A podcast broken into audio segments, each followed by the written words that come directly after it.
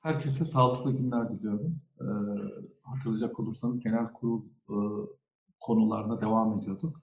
Bugün anonim şirketlerde gündem ve toplantının icrası ile ilgili konuları sizlere anlatmaya çalışacağım ama her zaman olduğu gibi aslında yine e, bir şiirle başlamak istiyorum.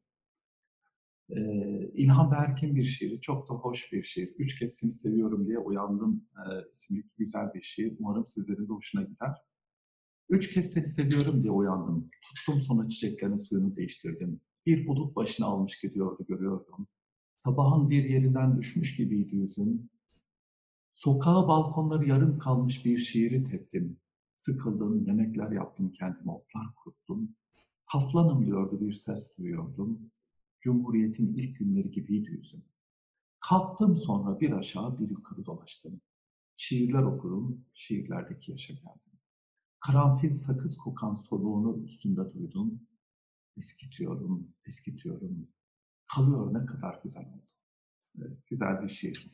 Şimdi genel kurul toplantılarını hatırlayacak olursanız toplantıya kimlerin çağrılabileceğini bir önceki e, çekimde, video çekiminde e, sizlere anlatmıştım. Bugün genel kurul toplantısının ilanlarıyla ilgili husus anlatmak istiyorum.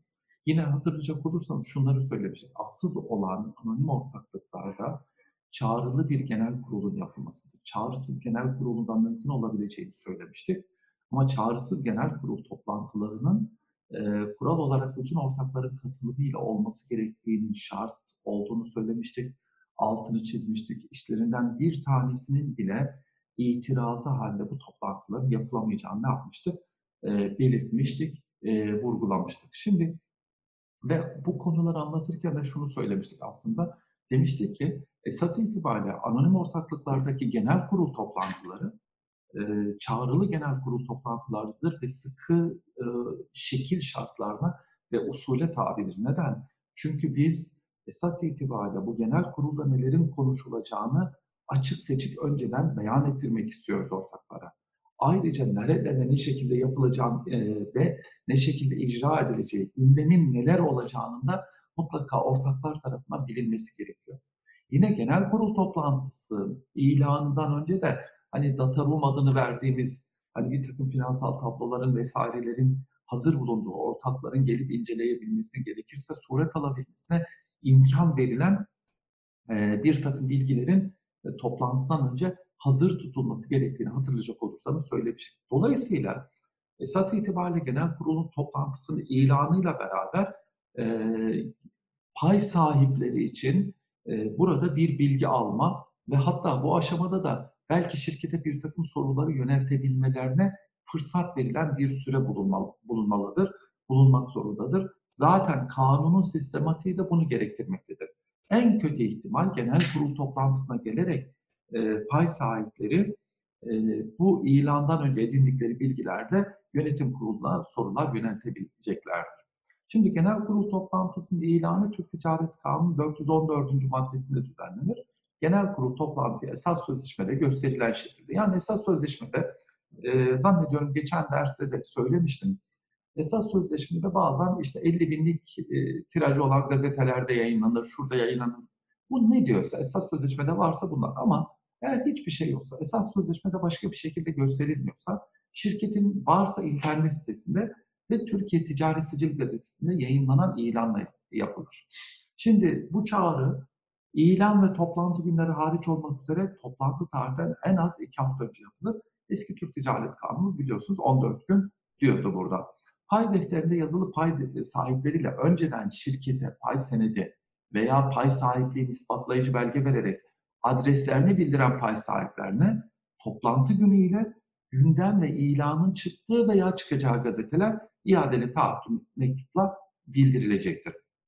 Burada tabii e, çıktığı veya çıkacağı gazeteler burada gazeteyi bizzati zarfın içine koymazsanız ama şu tarihte yayınlanacak dersiniz ticaret seçim gazetesinde e, ya da şu tarihte yayınlandı dersiniz. Bunlar bildirilir. Yoksa ticaret sicil gazetesinin zaten zarfa konulmasına gerek e, ihtiyaç bulunmamaktadır. Yine ilanın esas itibariyle gündemin net bir şekilde e, pay sahibine ulaştırılması gerekir. Burada gündeme bağlılık ilkesinden de bahsetmek istiyorum. Şimdi aslında gündeme bağlılık yani anonim şirket genel kurul toplantıları esas itibariyle gündeme bağlılık ilkesiyle işler. Bu ne demektir? Aslında gündemde olan konular görüşülür, gündemde olmayan konuların hiçbirisi ise görüşülemez. Bu nedenle anonim ortaklık toplantıları gündemli toplantılardır. Oysa buna karşı yönetim kurulu toplantılarında da hatırlayacak olursanız şunları söylemiştik. Başkan esas itibariyle gündemi de bildirmelidir ama o an karşılarına ne çıkıyorsa onları da görüşür yönetim kurulu. Gerekirse erteler bir gün sonra ama yönetim kurulu toplantıları bu açıdan gündemli toplantılar değildir. Ama anonim şirketin e, genel kurulları gündemli toplantılardır. Bunun sebebi nedir? Şimdi gündeme bakarak ortak, pay sahibi o anonim şirketin genel kurul toplantısına gelmeye ya da gelmemeye karar verecektir. Bu nedenle esas itibariyle gündeme bağlılık, ileride tekrar bahsedeceğimiz güç boşluğunu engellemeye yönelik e, bir işleve de sahiptir. Çünkü ben ne yapıyorum? Gündeme bakıyorum. Hiçbirisi beni ilgilendirmiyorsa pay sahibi olarak beni çok da fazla ilgilendiriyor. Gitmeme gerek yok. Ama mesela küçük bir pay sahibiyim.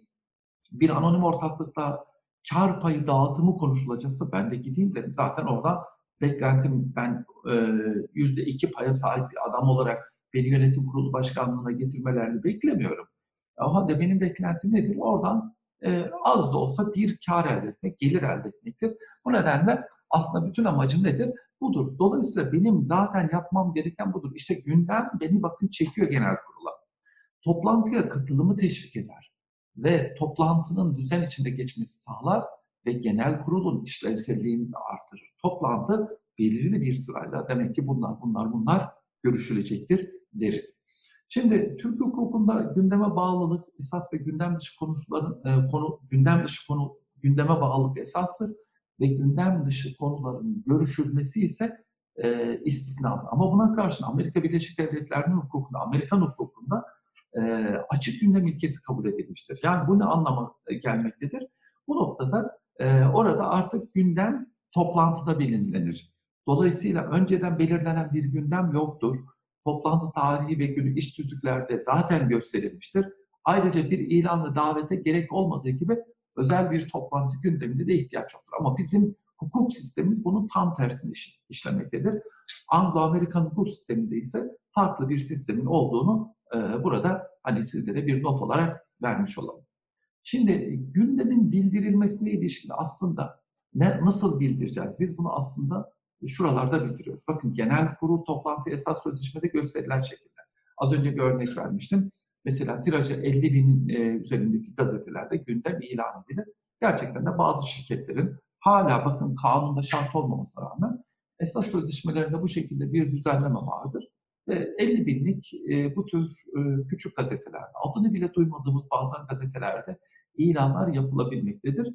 İşte e, bu şekilde gündem orada belirtilir bir. İkincisi ticaret sicil gazetesinde yapılan iki hafta önce yapılan en az toplantıdan iki hafta önce yapılması gereken ilanda ne yapılacaktır? Gündem belirtilecektir.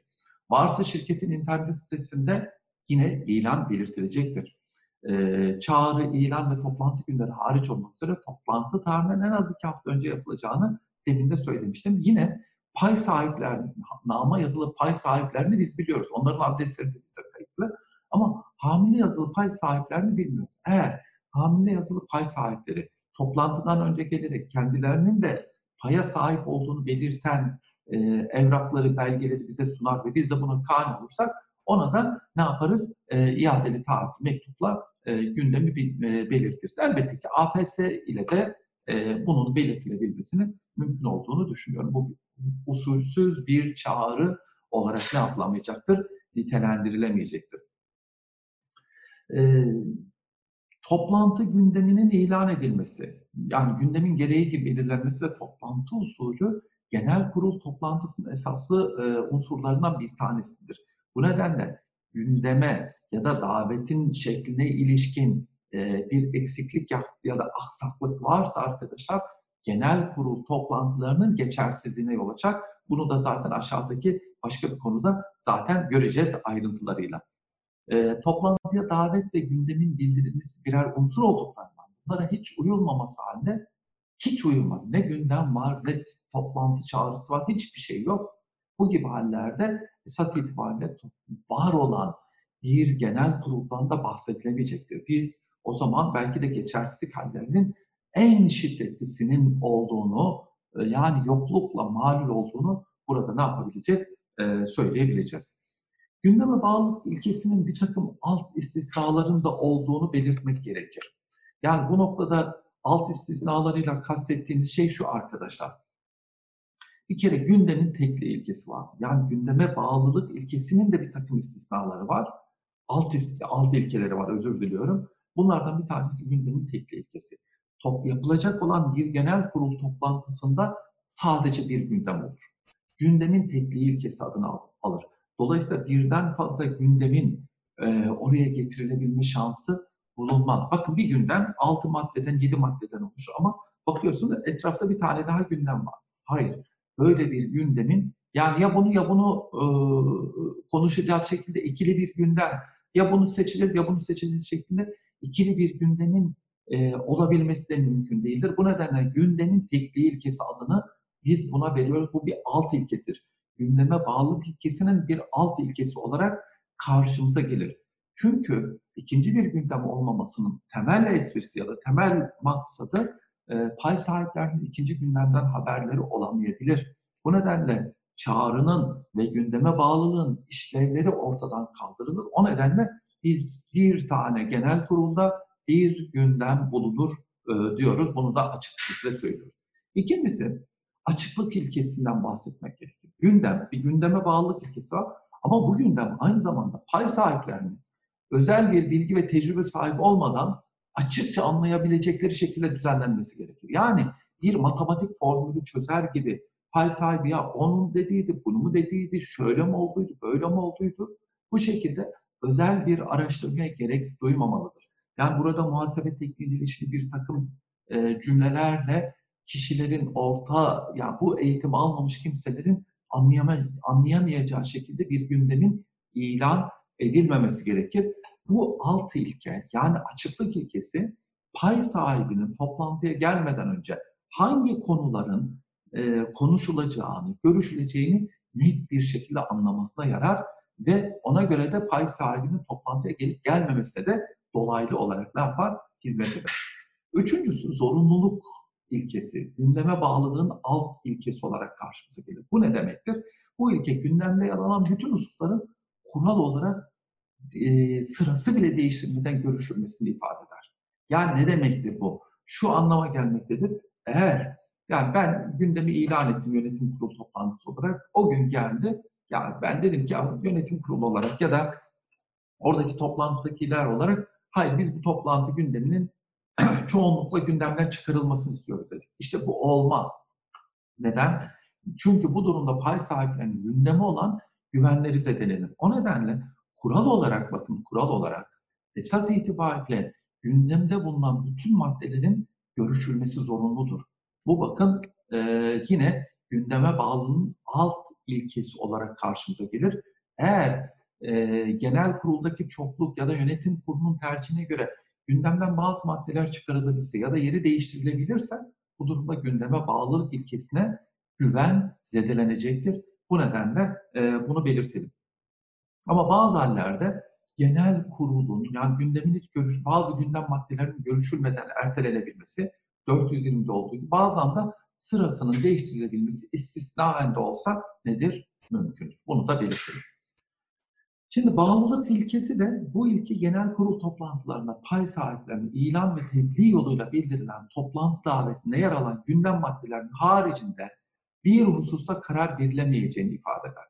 Yani eskiler bakın bunlar hani gündeme bağlılık diyorduk ya gündeme bağlılığın bağlılık kısmını ifade ediyor. Yani eskiden e, özellikle bizim hala tez öğrencilerimiz için kullanmış olduğumuz e, ayarını mani efradını cami dediğimiz bir kavram vardı. Bu ne anlama geliyor? Ayarını yani yabancı olan her şey dışlar ama efradını, unsurların hepsini de içine alır. Aslında onun gibi bir şey bu. E, genel kurul toplantılarına pay sahiplerine ilan ve tebliğ yoluyla bildirilen toplantı davetinde yer alan gündem maddelerinin haricinde herhangi bir husus ne yapılamaz?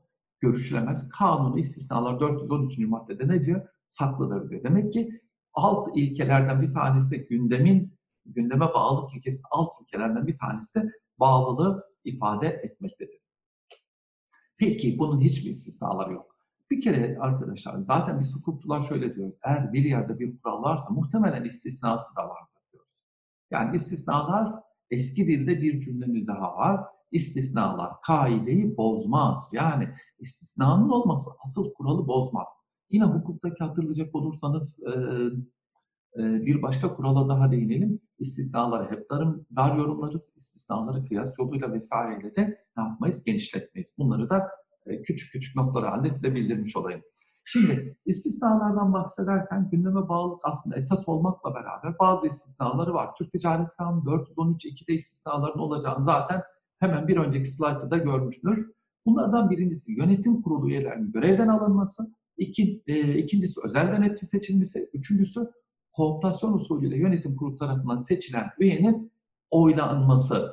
Şimdi bakın üç tane benim tespit edebildiğim kadarıyla istisna vardır. Şimdi bunun dışında mesela 420'yi de istisna olarak gören arkadaşlarımız var ama benim kanaatime göre 420 gündeme bağlılığın istisnası değil. Genel kurul toplantısı ne yapmaktadır? Ertelemektedir finansal tablolarla ilgili. Bakın sırayı değiştirmemektedir. Gündemde olmayan bir konunun getirilmesini ya da gündemde olmayan bir husus görüşülmesini gerektirmemektedir. Sadece toplantıyı azlığın talebiyle ertelemeyi beraberinde getirmektedir. Şimdi görevden almaya bakalım. Bunu aslında yönetim kurulu üyelerinde bahsetmiştik 364. maddeden. Ee, ama burada da hızlı bir şekilde bahsedebiliriz. Yönetim kurulu üyeleri esas sözleşmeyle atanmış olsalar bile gündemde ilgili bir maddenin bulunması ya da gündemde hiç madde bulunmuyorsa haklı bir sebebin varlığı halinde genel kurul her zaman bunları ne yapabilecektir? Görevden alabilecektir. Elbette hemen söyle söyleyelim. Görevden alma ve görevden atama ikisi birbirinden aslında lazımı mufarikidir. Yani birbirinden ayrılmaz parçasıdır. Şimdi ben üç yönetim kurulu üyesi var aldım bunları. E yerine tabii ki birini atacağım. Yani şirket yönetimsiz bırakacak halim yok ya. Dolayısıyla görevden alınanların yerine yenilerinin seçilmesi gündeme bağlılık ilkesinin istisnası olarak kabul edilmeli ve 364'ün içinde yer almalıdır. Bir de 413. maddede bir düzenlememiz var. Bakın bu da gündeme bağlı istisnası benim kanaatime göre değil ama bunu da bu noktada zikretmek istiyorum. Yönetim kurulu üyelerinin görevden alınmaları ve yenilerinin seçimi yıl sonu finansal tablolar müzakeresi maddesiyle ilgili sayılır. Yani şunu söylemek istiyorum. Aslında finansal tabloların görüldüğü her yerde esasen yönetim kurulu üyeleri de görevden ne yapılabilecektir? Alınabilecektir. Bunu ifade e, etmektedir. E, yine özel denetim isteme hakkına ilişkin 438. maddede bir hükmümüz var. Her pay sahibi, pay sahipliği haklarının kullanılabilmesi için gerekli olduğu takdirde ve bilgi alma veya inceleme hakkı daha önce kullanılmışsa belirli olayların özel bir denetimle açıklığa kavuşturulmasını gündemde yer alması bile genel kuruldan isteyebilir. Ben daha önce bilgi alma hakkını kullanmışım. Ben genel kurula gidiyorum. Diyorum ki ya ben e, şey istiyorum diyorum ya özel denetçi istiyorum. Bazı hususların açığa çıkması. İşte bunun için gündemde madde bulunmasına gerek bulunmamaktadır. Ee, özel denetçi zaten daha sonraki konularından bir tanesi olduğu için ikinci fıkrayı okumadan geçelim ama gündeme bağlılığın istisnalarından bir tanesidir. Ee, üçüncü istisna, üçüncü istisna aslında demin söylemiş olmakla beraber hatırlayacak olursanız kooptasyon usulünü anlatırken şunu söylemiştim. Ee, yönetim kurulu üyeliklerinden bir tanesi boşalırsa, bir ya da birkaçı boşalırsa ve yönetim kurulu hala kurulu olarak toplanabilirse ya da toplanabiliyorsa e, ilk genel kurulda oya sunulmak üzere kendileri bir yönetim kurulu üyesi seçebilir. Bu ilk genel kurulda oya sunulur diyordu. Kanun bu şekilde ifade ettiği için benim kanaatime göre gündemde madde olsa da olmasa da hatta gündemden sonra e, mesela ticaret siciline gitti. Ticaret siciline giderken bir tane üye boşaldı. E, ondan sonra yönetim kurulu bunu seçti. İlk genel kurulda bunu yine gündeme bağlılık e, ilkesinin istisnası olarak orada oya sunmak zorundadır. Neden? Çünkü yönet, bunun sebebi şu. 408. maddede yönetim kurulu üyelerinin seçme hakkı kural olarak genel kurula ait. Dolayısıyla gündeme madde koymayarak bir yönetim kurulu üyesinin kooptasyon usulüyle seçmiş olduğu üyeyi birkaç dönem e, birkaç dönem genel kurulun onayı olmaksızın yöneticilik, yönetim kurulu üyeliği yaptıramamasını ifade eder. Bunu gerektirir ki benim kanaatime göre bu daha doğrudur. Bu nedenle bu da bir istisnadır. Yine e, hani öğretide e, gündeme bağlı ilkesinin istisnalar arasında 420'nin yani azlığın bilançoların görüşülmesinin bir ay sonraya bırakılmasına ilişkin e, düzenleme ile kuruluş ve sermaye artımında ibrahim azlığına engel olmasa ki benim kanaatime göre burada ibrahim engel olma hakkı verilmiştir. Yoksa gündeme bağlılığın ilk e, istisnası değildir. Dolayısıyla e, bunlar birer azlık hakkıdır. Yoksa gündeme bağlılığın e, istisnası değildir. Bu nedenle hani bunları burada zikretmek istemiyorum. Gündeme bağlılığın bir başka istisnası sermaye piyasası kanun 29, e, 4 ve 5'te bulunur. Halka çıkan anonim ortaklıklarda, halka açık ortaklıkların genel kurullarında gündeme bağlılık ilkesine uyulmaksızın kurulun görüşülmesini veya ortaklara duyurulmasını istediği hususların genel kurul gündemine alınması zorunludur. Yani bakın e, burada gündeme bağlı olmasa bile genel kurulun toplantısının yapılacağını duydu. Diyor ki bunları da alın, bunları mutlaka e, gündeme alınması gerekir. Gündeme bağlılığın istisnalarından bir tanesi bu. Neden? Çünkü gündem gün toplantıya çağıranlar hazırlardı. Ama bakın istisna diyor ki bunları da koyacaksınız. Yine 5. fıkrasında e, 6102 sayılı kanun 411. maddesinde azlığa tanmış bulunan gündeme madde ekletme hakkı, halka açık ortaklıklarda gündem maddelerine ilişkin karar taslaklarının görüşülmeye sunulmasında kapsar şeklinde yine bir hükmü vardır. Şimdi biz bir toplantıya, şimdi bakın gündemi ilan ettik, çağrıları tamamladık, büyük gün geldi çattı. Yani genel kurul toplantısı yapılacak. Şimdi biz bu toplantıyı nasıl icra edeceğiz? Burada hemen şunu söyleyeyim. Belki birçok meslektaşımız ya da öğrencilerimiz ileride genel kurul toplantılarını icra edecekler ya da danışmanlık yaptığı şirketler bu toplantıların icrasını kendisinden isteyecek. Bu durumda o zaman ya biz ne yapacağız şeklinde muhtemelen bir tereddüt hasıl olabilir. İşte toplantının icrasında ben size biraz hızlı da olsa ya da ayrıntılı da olsa arkadaşlar anlatmak istiyorum. Neden? Çünkü bu da önemli. Gerçekten ilk toplantıya giderken toplantının nasıl yapılacağı konusunda herkesin bir takım tereddütleri vardır. Kaldı ki toplantının icrası konusunda da eğer bir takım usulsüzlükler yapılırsa yani kanunda belirlenen usule aykırı davranılır ise bu durumda ne olacaktır? Kural olarak e, toplantı, genel kurulda alınan kararlar sakatlanabilecektir. Şimdi kimler bulunacak? Pay sahipleri, temsilciler ve asgari sayı, e, yani mutlaka asgari sayıda ya pay sahipleri bulunacak ya da onların temsilcileri. E, e, sana Ticaret Bakanlığı tarafından çıkarılan yönetmelikte pay sahiplerine yapılan çağrı da aynı zamanda vekaleten ya da temsil temsille orada oy kullanılabileceği, temsil edilebileceği açık seçik ne yapılmaktadır belirtilmektedir. Yani ya pay sahipleri gelir ya da temsilciler gelir. İkincisi murahhas üyelerle en az bir yönetim kurulu üyesi şart. Şimdi özellikle her ne kadar, her ne kadar e, gerekçeye de baktığımız zaman bunların şart olmadığı söyleniyorsa da bizim özellikle Yargıtay uygulamalarıyla bu artık şart haline getirilmiştir. Genel kurul toplantıları geçersiz kılınabilmektedir. Bu nedenle e, aslında madde metninden yola çıkıyorlar. Madde metni açık seçik net bir şekilde diyorlar. Dolayısıyla ama burada tabii eleştirecek birçok şey var. Yönetim kurulu toplantısı işine gelmeyen toplantılara gelmeyerek genel kurul toplantılarının geçersizliğini sağlayabilecektir. Yine yönetim kurulu toplan, yönetim kurulu olmadığı haller de olabilecektir. Bu gibi birçok varyasyon var. Diğer yönetim kurulu üyelerinin gelmesi ise zorunlu değil diyor. E, denetçi ve kendilerini ilgilendiren konularda e, yine e, denetçinin, bağımsız denetçinin gelmesi lazım. İşte işlem denetçisi önceden vardı fakat bu kaldırıldı. E, Türk Ticaret Kanunu 333. maddesinin uygulandığı şirketlerin genel kurul toplantılarda Ticaret Bakanlığı temsilcilerinde gelmesi zorunludur. Toplantı başkanının pay sahibi olmasına ihtiyaç yok. Yine hani genel kurula katılabilecekler. Mesela genel kurula ben de aslında pay sahibi olmadan birçok genel kurula gidiyorum. Orada pay e, genel kurul toplantı başkanlığı yapıyorum mesela. Aynı zamanda yanıma yazman alıyorum, yanıma bir tane oy toplayıcı, üç kişilik e, bir toplantı divan. Eskiden divan başkanlığı deniyordu. Bu şekilde bir divan oluşturulabilmektedir. Toplantı başkanlığı oluşturulabilmektedir. Hangi şirketlerin genel kurullarında bakanlık temsilcisinin bulunacağı da e, yine e, kanunda diyor ki çıkarılacak bir yönetmelikle belirlenir. Ve bu da resmi gazetede 2012 tarihinde çıkarılmıştır. E, buna da ne yapacağız bakacağız. Şimdi Genel kurul toplantılarına başlamadan önce aslında bir hususu daha sizlerle paylaşmak istiyorum. Bir kavramı daha paylaşmak istiyorum ki aslında 6762 sayılı kanundan 6102 sayılı kanuna geçiş yapılırken e, belki de oradaki birçok düzenlemenin alt tarafında da bu güç boşluğu kavramı karşımıza çıkmaktadır ki bu da bizim için önemli bir kavram. Yani 6102 sayılı kanunu derinden etkileyen temel sorunlardan bir tanesi olarak güç boşluğu kavramı karşımıza çıkmaktadır. Bunun da üzerinde duralım. Şimdi güç boşluğu nedir? Şimdi güç boşluğu şudur. Ben ufak tefek bir paya sahibim. %2, %3, %5 paya sahibim. Diyorum genel kurul toplantıları benim ilgimi çekmiyor. Ben ne yapıyorum? Oturup Fenerbahçe Galatasaray maçını seyretmek istiyorum. Şimdi bakın maç seyretmek istiyorum. Ya da evde kalmam, ayaklarımı uzatıp çekirdek çitleyip televizyon seyretmek istiyorum.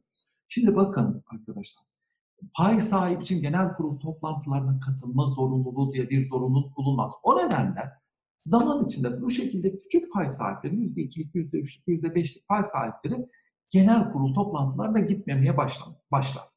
Bu arada belirteyim mesela ben e, kaç yıldır e, herhalde site yönetimi, işte bir sürü site yönetiminin olduğu evlerde oturuyorum. Apartman yönetimlerinde.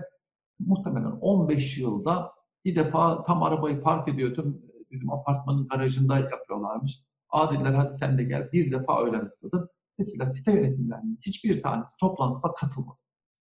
Kötü bir şey yapıyorum ama ya diyorum ya yapıyorlar zaten ben de ne söylüyorlarsa uyuyorum. Şimdi bakın işte tam da bu anlamda güç boşluğu karşımıza çıktı. İşte şimdi bu noktada güç boşluğu kavramına biraz değinmemiz lazım. İşte anonim şirketteki küçük pay sahipleri de zaman içinde şirketle bağlarını koparmaktadır. Gönül bağlarını, bağlılıklarını koparmaktadırlar. İşte bu da güç boşluğu kavramına yol açmaktadır. Güç boşluğu nedir? Güç boşluğu şudur.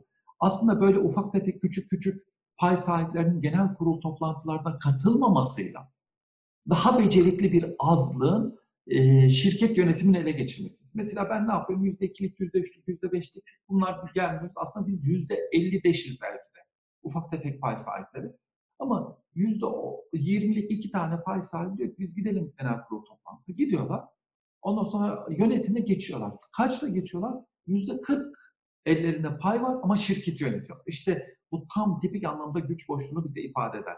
İşte kanun koyucular da bu temel sorunu engellemeye çalışırlar. Yani genel kurul toplantısına pay sahibinin katılmasını e, teşvik etmeye çalışmaktadırlar. 6102 sayılı kanunun arka tarafından düşüncelerine bir tanesi de budur. Şimdi sanal genel kurul toplantılarıyla bunu gerçekleştirmeye çalışmıştır. 1527. maddede biliyorsunuz daha önce yönetim kurulunda söylemiştik 1527. maddeye baktığımız zaman elektronik ortamda hem yönetim kurulu toplantılarının hem de genel kurul toplantılarının yapılabilmesine imkan vermiştir. Bu noktada aslında 1527. maddeye baktığımız zaman aslında esas sözleşmelerinde bu yönde mutlaka bir hükmün olmasına ihtiyaç bulunmaktadır. Bu şu anda içinde yaşadığımız işte korona günleri dolayısıyla Ticaret Bakanlığı'nın çıkarmış olduğu bir tebliğ de aslında esas sözleşmelerinde böyle bir elektronik e, ortamda genel kurul toplantısı olmasa bile bunların yapılabileceğine ilişkin bir tebliğ, e, bir duyuru yayınlandı. Ama biz hukuken bunun herhangi bir e, geçerliliği olmadığını düşünüyoruz. Çünkü 1527 madde hükmü son derece açıktır. Borsaya kota edilmiş şirketlerde bildiğiniz üzere e, elektronik ortamda genel kurul toplantılarının yapılması zorunludur. Elektronik ortamda genel kurul toplantıları güç boşluğunu e, önlemeye hizmet eden e, ilk e, nasıl söyleyeyim araçlardan bir tanesi. İnsanlar evlerinde ne yapılabilecektir? Toplantılara katılabileceklerdir. Yine 6102 sayılı kanun ilk halinde 3 tane temsilci e, zikredilmişti. Organın temsilcisi, bağımsız temsilci, e, kurumsal temsilci şeklinde 3 tane temsilci vardı. Fakat daha sonra bildiğiniz üzere bu temsilcilere ilişkin düzenlemeler Türk Ticaret Kanunu'ndan çıkarılmıştır. Bir diğer e, yol ise tebliğ eden temsilcilik dediğimiz 429. maddede düzenlenmiştir. Yani ya madem ki pay sahibi sen genel kurul toplantısına gitmiyorsun, madem ki bir vekil de atamıyorsun, bir temsilci de göndermiyorsun, bari sanal genel kuruldan katıl. O da olmazsa tebliğ eden temsilciliğine ver. O da olmasa diğer kaldırılan üç tanesi olsaydı onlardan birine vererek ya sen gelmiyorsun, keyfini bozmuyorsun ama onlar gelsin hiç olmazsa pay sahiplerinin iradesi genel kurulda şekillensin diyor. Şimdi tevdi eden temsilcinin 429. maddede şöyle diyor. Tevdi eden temsilcisi kendisine tevdi edilmiş bulunan pay ve pay senetlerinden doğan katılma ve oy haklarını tevdi eden adına, yani ben veriyorum ona, benim adıma kullanma yetkisine haizse nasıl hareket etmesi gerektiği konusunda talimat almak için her genel kurul toplantısından önce tevdi edene başvurmak zorunda. Şimdi tevdi eden temsilci 429. maddenin aslında temel esprisi ya da çıkarılış amacı şu. Şimdi bildiğiniz üzere Türkiye'deki birçok şirkette yabancı şirketlerin fonları da var. Özellikle Amerika Birleşik Devletleri'nden gelen fonlar ya da İngiliz fonları Türkiye'de bir takım şirketlere yatırım yapmaktadır. İşte bunlar pay sahiplikleri vesairelerle ilgili gelip de Türkiye'de toplantıya katılmıyor. Ama Amerikan hukukunda e, bu şekildeki fonların her genel kurul toplantısına katılma zorunluluğu bulunduğu için bunlar burada genelde bir avukat vesaire gibi birilerini buluyorlar. Diyorlar ki sen benim yerime genel kurul toplantılarına mutlaka katıl. İşte bu tevdi eden temsilcisi ne yapacak? Her genel kurul toplantısından önce e, kendisine bu payları tevdi eden kimseden e, gündemi belirterek talimat alacak. Hatta bu yabancı fonların temsilcileri genel kurul toplantılarına geldiği zaman bazen çekimser adı verdiğimiz bir takım e, oyları da kullanmaktadır. Bu da e, ilginç durumlara yol açmaktadır. Çekimser oy bizde biliyorsunuz yok. Burada çekimser oy kural olarak aslında red olarak kabul edilmektedir. Şimdi e, zamanında, şimdi tevdi eden temsilci zamanında e, talimat istiyor ama verilmiyorsa bu durumda ne olacak? Yönetim kuruluna soracak. Talimat genel itibariyle diyor ki benim şirket genel politikası bu şekilde, genel talimat yolunda oy kullanıyor. Böyle bir talimatla yoksa tevdi eden temsilcisi yönetim kuruluna e, yaptığı öneriler yönünde e, oyunu kullanıyor ki bu da aslında 429. maddenin bu düzenlemesi son derece eleştiriye açıktır. Şimdi bakın sanal genel kurul toplantısı temsilci bir de elektronik ortamda genel kurul toplantılarının yapılmasının bütün yegane amacı nedir? Bütün yegane amacı bakın pay sahibinin genel kurula gelip e, oy kullanmasıdır, iradesini ortaya koymasıdır. Çünkü e, aksi takdirde güç boşluğuna neden olunmaktadır. İşte kanun koyucu 6102 sayılı kanunda getirdiği değişik enstrümanlarda bunu ne yapmaktadır? Engellemeye çalışmaktadır. Şimdi genel kurul toplantısına geldik. Bu toplantıyı nasıl e, icra edeceğiz? Şimdi genel kurul toplantısına katılmaya yetkili olanlar kimlerdir? Kural olarak pay sahipleri. Çünkü orada pay sahipler iradesi karşında çıkacaktır. Bakın yönetim kurulu başkanı Murahhas üye de gelir, yönetim kurulu üyeler de gelir ama dikkat bunlar pay sahibi değilse bunlar orada oy kullanamaz. Bu nedenle asıl iradeyi oluşturacak kişiler pay sahipleridir. İşte burada bu pay sahiplerinin yani belirlenebilmesi için, bu kimselerin, oy kullanacak kimselerin belirlenebilmesi için bir kere burada yapılması gereken şey yönetim kurulu tarafından hazır bulunanlar listesinin oluşturulmasıdır. Genel kurul toplantısına katılım ve oy kullanmaya ilişkin 30. maddede aslında e, yani bu nasıl düzenlenecek bunu yapacağız. Ama sermaye piyasası kanunu 30. maddesinde de bir düzenleme var bakın. E, pay sahiplerini ben nasıl tespit edeceğim? Nama yazılı pay sahipleri için hazırın cetvelim zaten benim var. Orada zaten şirket pay defterini kullanacağım. Ha, tekinmemiş nama yazılı ben 5 tane payın sahibi. Ama hamile yazılı pay sahipleri ise ne yapacaklar? Hamile yazılı pay sahipleri giriş kartı kendilerine verirse daha sonra e, hamile yazılı payı devraldığını ispatlarsa o da gelecek. Payını ibraz edebiliyorsa onlar ne yapacak? Toplantıya gelecek. Ama halka açık anonim ortaklıklarda e, bizim Türk Ticaret Kanunu eski sermaye piyasası kanunu 10A'ya atıf yapıyor ama 30. maddenin ikinci fıkrasında yapılmış bir atıf gibi düşünülmelidir bu. Payları kalben izlenen halka açık ortaklıkların genel kurul toplantılarına burada biliyorsunuz e, normal bir pay yok, kağıda bağlanmış bir pay yok. Kayden izleniyor bunlar.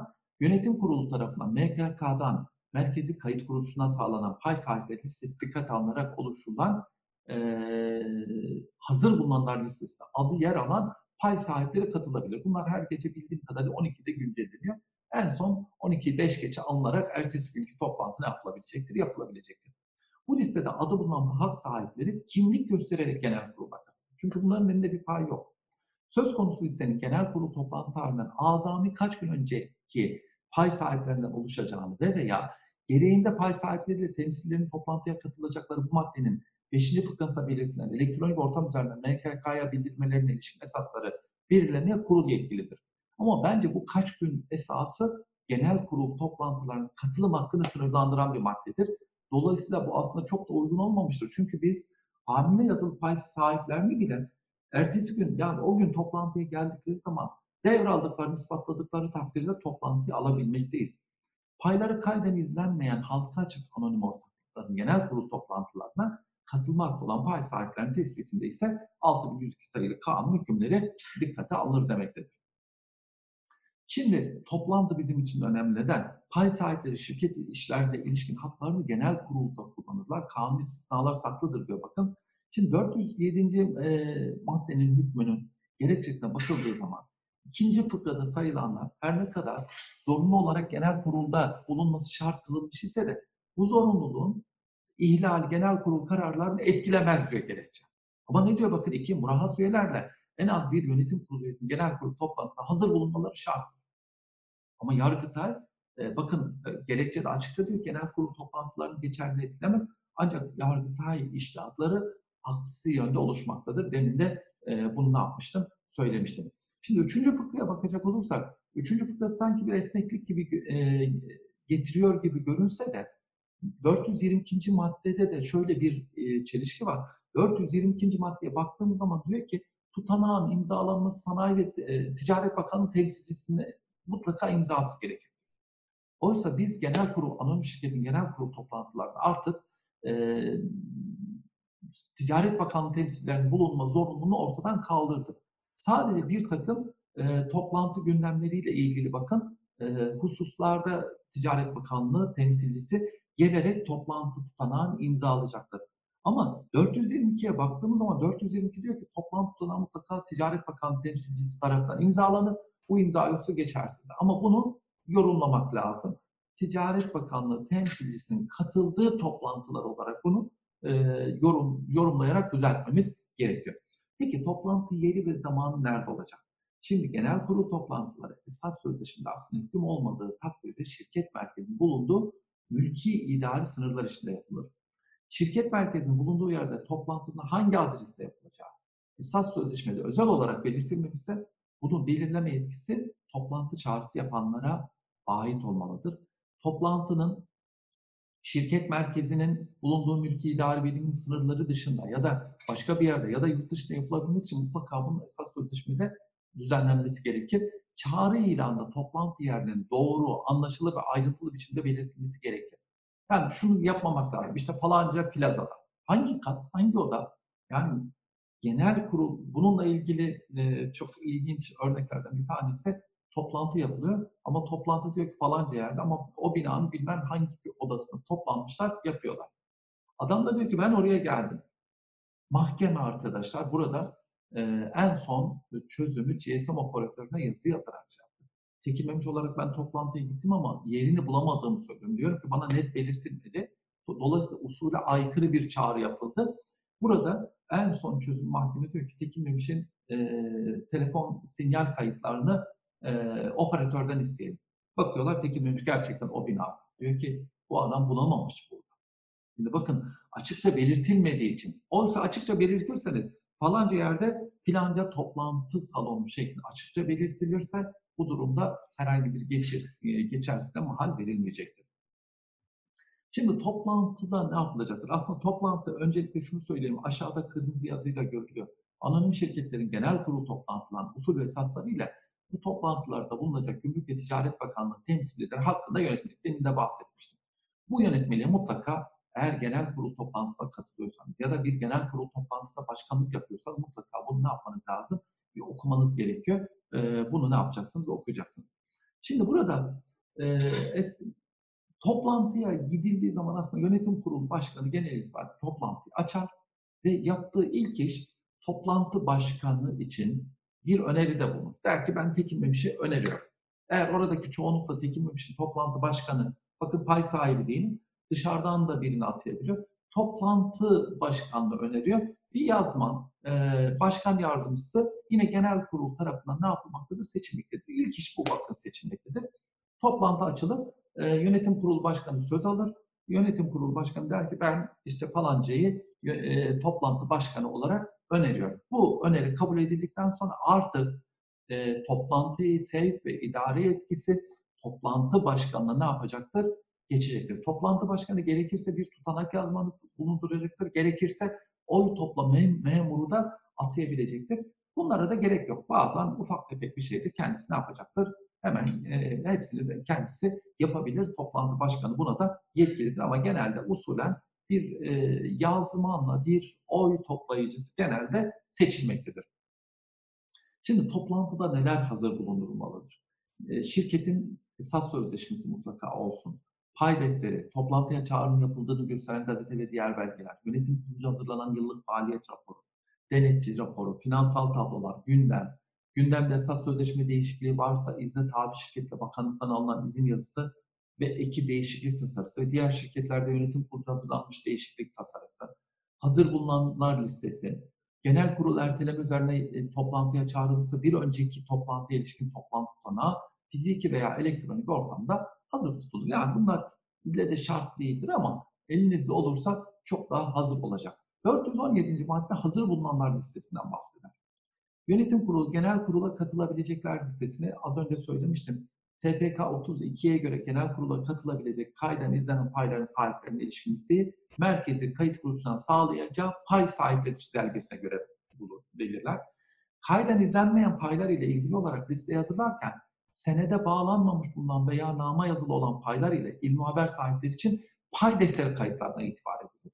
Hamile yazılı pay sistemi sahipleri bakımından da giriş kartlarına göre hazırlar. Ama dediğim gibi son gün toplantıya gelse bile bunu devraldığını ispatlayabilen kişileri de zaten toplantıya alırız.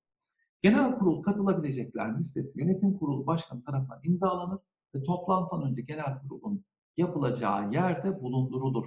Genel kurula katılanların imzalaması ile liste hazır bulunanlar listesi adını alır. Şimdi ne yapıyoruz? Bütün geldik toplantıya katılabilecekleri aldık. Eğer kayden izleniyorsa MKK'dan bu e, pay sahipleri çizelgesini alıyoruz.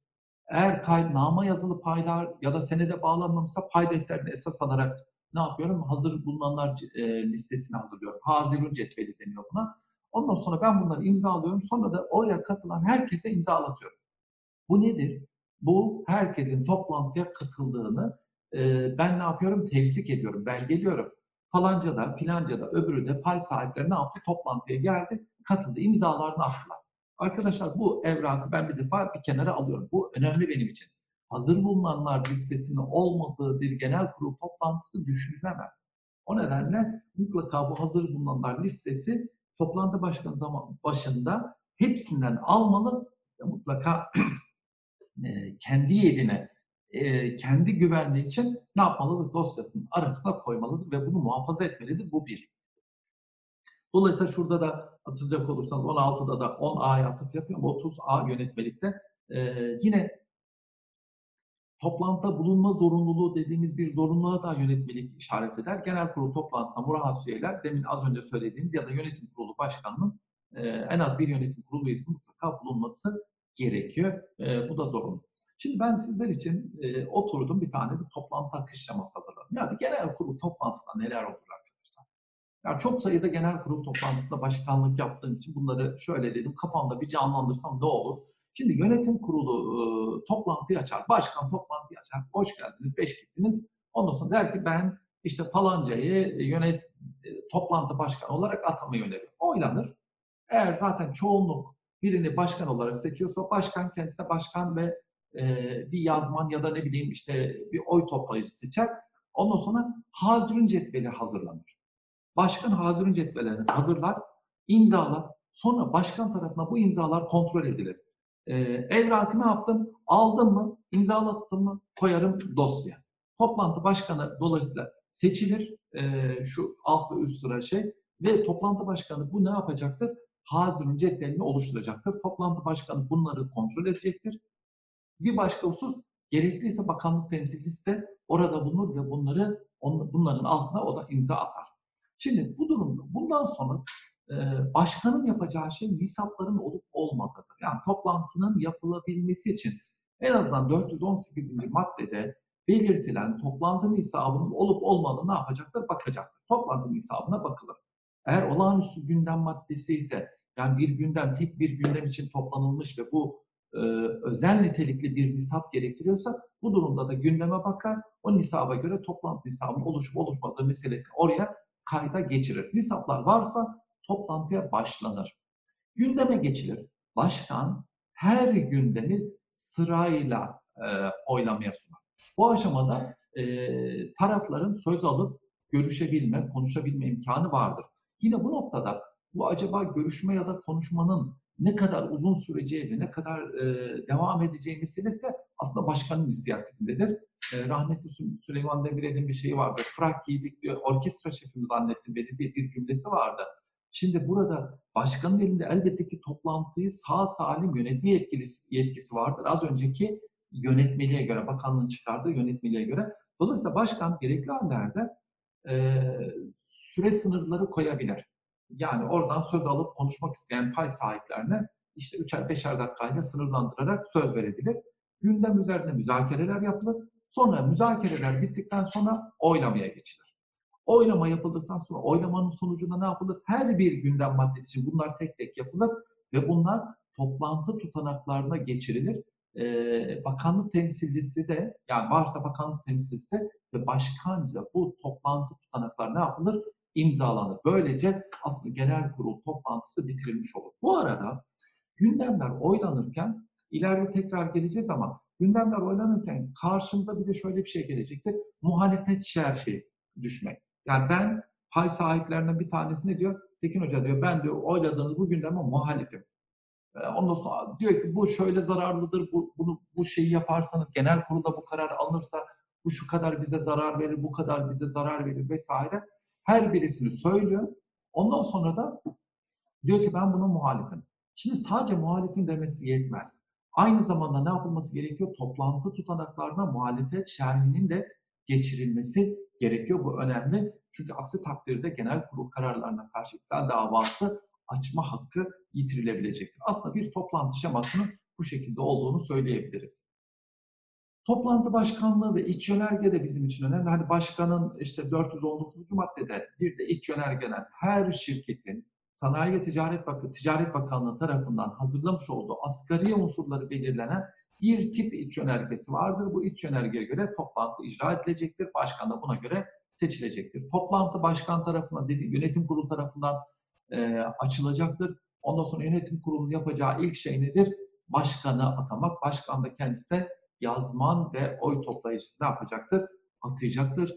Ee, bakanlık temsilcisinin bulunmasının zorunlu olduğu toplantılarda bakanlık temsilcisinin diğer toplantılarda toplantı başkanlığı şirket esas sözleşmesi ve iç yönergesiyle kanun ve diğer mevzuatta öngörülen hususların yerine getirildiğini ve gerekli nisabı sağlandığını tespit etmesinden sonra toplantıya devam edilecektir.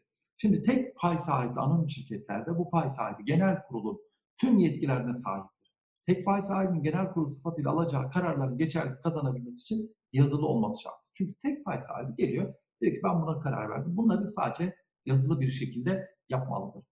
Şimdi genel kurul toplantıları bazen ertelenebilir. 420. maddede toplantının ertelenmesine ilişkin bir düzenleme getirilmiştir. Finansal tablolar müzakeresi ve buna bağlı konular sermayenin onda birine, halka açık şirketlerde 20'de birine sahip pay sahiplerinin üstte, istem üzerine genel kurulun bir karar almasına gerek olmaksızın toplantı başkanlığı, bakın toplantı başkanı oynama falan yapmıyor. Toplantı başkanının kararıyla bir ay sonraya bırakılır. Erteleme 414. maddenin birinci fıkrasında yazılı olduğu şekilde pay sahiplerine ilanla bildirilir ve internet sitesine yayınlanır. İzleyen toplantı için genel kurul kanunda öngörülen usule, to, usule göre tekrar toplantı e, çağrısını ve ilanlar ne yapar? Yapar.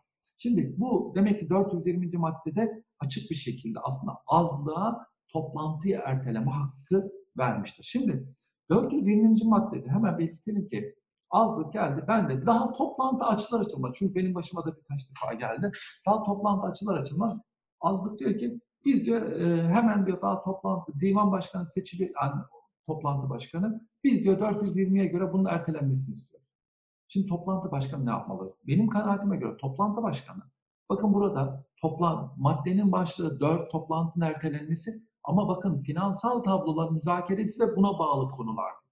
Dolayısıyla toplantı başkanı bakacak. Eğer finansal tablolarla ilgili sadece finansal tablolarda ilgili hususlar varsa diyecek ki ben bu toplantıyı erteliyorum. Çünkü hepsi. Ama buna karşın bağımsız denetçinin seçilmesi gibi ya da finansal e, tablolarla ilgili, ilgili olmayan başkaca bir takım konular var ise bu durumda ne yapacak? Hayır bunlar e, toplantının finansal tabloların görüşülmesiyle ilgili değil diyecek. Bunları görüşecek bakın. Ertelemeyecek bunlar. Mesela bağımsız denetçisini seçecek, gerekirse kooptasyon usulüyle seçilmiş üyeyi oylayacak ya da yönetim kurulu üyesinin süresi bitmişse benim kanaatime göre açık seçik bunu savunuyoruz. Yönetim kurulu üyelerini de seçecek. Çünkü bunlar finansal tabloların müzakeresiyle doğrudan ilgili olmayacak hususlar, olmayan hususlar diye düşünüyorum. Dolayısıyla bunları seçecek, ayıracak. Eğer hepsi finansal tablolarsa o zaman toplantıyı zaten erteleyecek. İkinci toplantıda, ilk toplantıda görüşülmeyen finansal tablolarla ilgili konular ne yapacaktır? Görüşülecektir. Burada genel kurulu taktığı toplantının ertelenmesi konusunda azlığın talep üzerine toplantının ertelenmesi konusunda genel kurulun takdir yetkisi bulunmaz. Başkan tarafından yapılır. Erteleme halinde genel kurul en az bir ay ertelenebilir. Daha çok ertelenebilir bak. Ama bir aydan önce başka bir görüşme yapılamaz. Sonraki toplantı birinci toplantının devamıdır. Olağanüstü bir toplantı değildir. Bu nedenle gündem aynıdır. Bu nedenle e, eskiden alınan vekaletler, hani pay sahibi katılamıyordu, onun yanına vekalet alarak başka birileri geliyor ya, işte bu gibi hallerde ikinci toplantı içinde bu vekaletlerin biz geçerli olacağını söylüyoruz. Bilanço ile ilgili olanlar bu ikinci toplantıda görüşülür. Tekrar erteleme talebi için finansal tabloların itiraza uğrayan ve tutanağa geçmiş bulunan noktaları hakkında ilgililer tarafından dürüst hesap verme ölçüsü ilkeleri uyarınca cevap verilmemiş olması şarttır. Artık bakın burada ikinci bir defa itiraz geldi erteleyelim dendi. Artık bakın burada gerçekten cevap vermediniz diye erteleme talep edilmelidir. Burada artık yetki genel kuruldadır. Bakın bu takdirde ne yapılacak? Ertelenmeyecek. Burada e, genel kurulda yapılan bütün görüşmeler, bütün e, e, tutanaklar ne yapılacaktır? Bir toplantı başkanı tarafından tutanağa yazılacak. Toplantı tutanağı itirazları, cevapları, yönetimin cevaplarını vesaire hepsini yapacaktır. Onlarca sayfa bazen genel kurul toplantıları olabilmektedir. Hatta şöyle söyleyeyim, benim yine bir tecrübem, bir e, toplantı başkanlığı yaptım. Sabah girdik, gece saat 11 civarında e, evimize dönebilmiştik. E, hatırladığım kadarıyla çok uzun bir toplantı sürdü. Çünkü yüzler, belki 20-30 tane, 40 tane soru soruldu. O 40 sorunun yönetim kurulu tarafından cevapları verildi. Bunlar tutanağa geçildi vesaire. Bunlar gerçekten uzun sürebilmektedir. E, bu durumda başkanlık aslında ne yapacak? Toplantı tutanağını e, düzenleyecek. E, bakanlık temsilcisinin bulunduğu yerlerde bakanlık temsilcisi bu tutanaklar ne yapacaktır? İmzalayacaktır. E, bu genel e, kurulla ilgili e, yönetmeliğe baktığım zaman orada ek 4, temsil e, vesaireyle ilgili ekler burada ne yapılmaktadır? yer almaktadır. Toplantı başkanının bakanlık temsilcisinin bulunma zorunlu to- toplantılarda bakanlık temsilcisinin veya tek pay sahibi şirkette hazır bulunan pay sahibinin veya temsilcisinin imzalamadığı toplantı tutanakları geçersizdir. Yani toplantı başkanı, bakanlık temsilcisi yok ya da bakanlık temsilcisi var, toplantı başkanı ve bakanlık temsilcisinin imzası yoksa e, bu toplantı tutanakları geçersizdir. Dolayısıyla bunlarla artık e, böyle bir tutanak olmaksızın bir genel kuruldan da ne yapılamaz? Bahsedilemez. Bu toplantılar toplantı başkanı ve bakanlık temsilcisi tarafından imzalandıktan sonra tutanak noterci onaylanarak ticaret siciline verilir ve şirketin web sayfasında ne yapılır? İlan edilir. Burada da 29. maddede de e, deminki 422. maddede düzenlenen hususların her birisini daha ayrıntılı bir şekilde ne yapmıştır? Yönetmelik sıralamıştır. Bunlara riayet ederek ne yapacağız? bunları gerçekleştirmemiz gerekiyor. Şimdi karar alınabilmesi için gerekli olanlara da bir bakalım. Şimdi bu nedir? Karar nasıl ortaya çıkacaktır? Karar pay sahiplerinin oylarıyla kabul ya da red şeklinde karşımıza çıkan aslında iradelerinin toplamından oluşacaktır. Yine daha önce de belirttiğim üzere ortakların kabul ya da red şeklinde olan e, şeklinden ibaret olan iradeleriyle hukuki işlem olarak nitelendirilen kararlar karşımıza çıkar. Bu hukuki işlem nasıldı? Bu hukuki işlem çok taraflı hukuki işlem olarak nitelendiriliyordu. Öğretide genel olarak. Yönetim kurulunda olduğunun aksine burada paylar sahiplerine farklı oylar verebilir. Hatırlayacak olursanız yönetim kurulunda toplantılarında şunu söylemiştik. Demiştik ki arkadaşlar yönetim kurulu toplantılarında kural olarak her e, yönetim kurulu üyesinin tek bir tane oyu var. Oysa burada farklı oylar söz konusu olabilecektir. Nihayetinde genel kurula gelen teklifler öngörülen hesaplar çerçevesinde karara dönüşecekler ya da dönüşemeyeceklerdir. Ama dönüşemeyenler de bir red kararı olarak karşımıza ne yapacaktır? Çıkacaktır. Bu da bizim için önemli.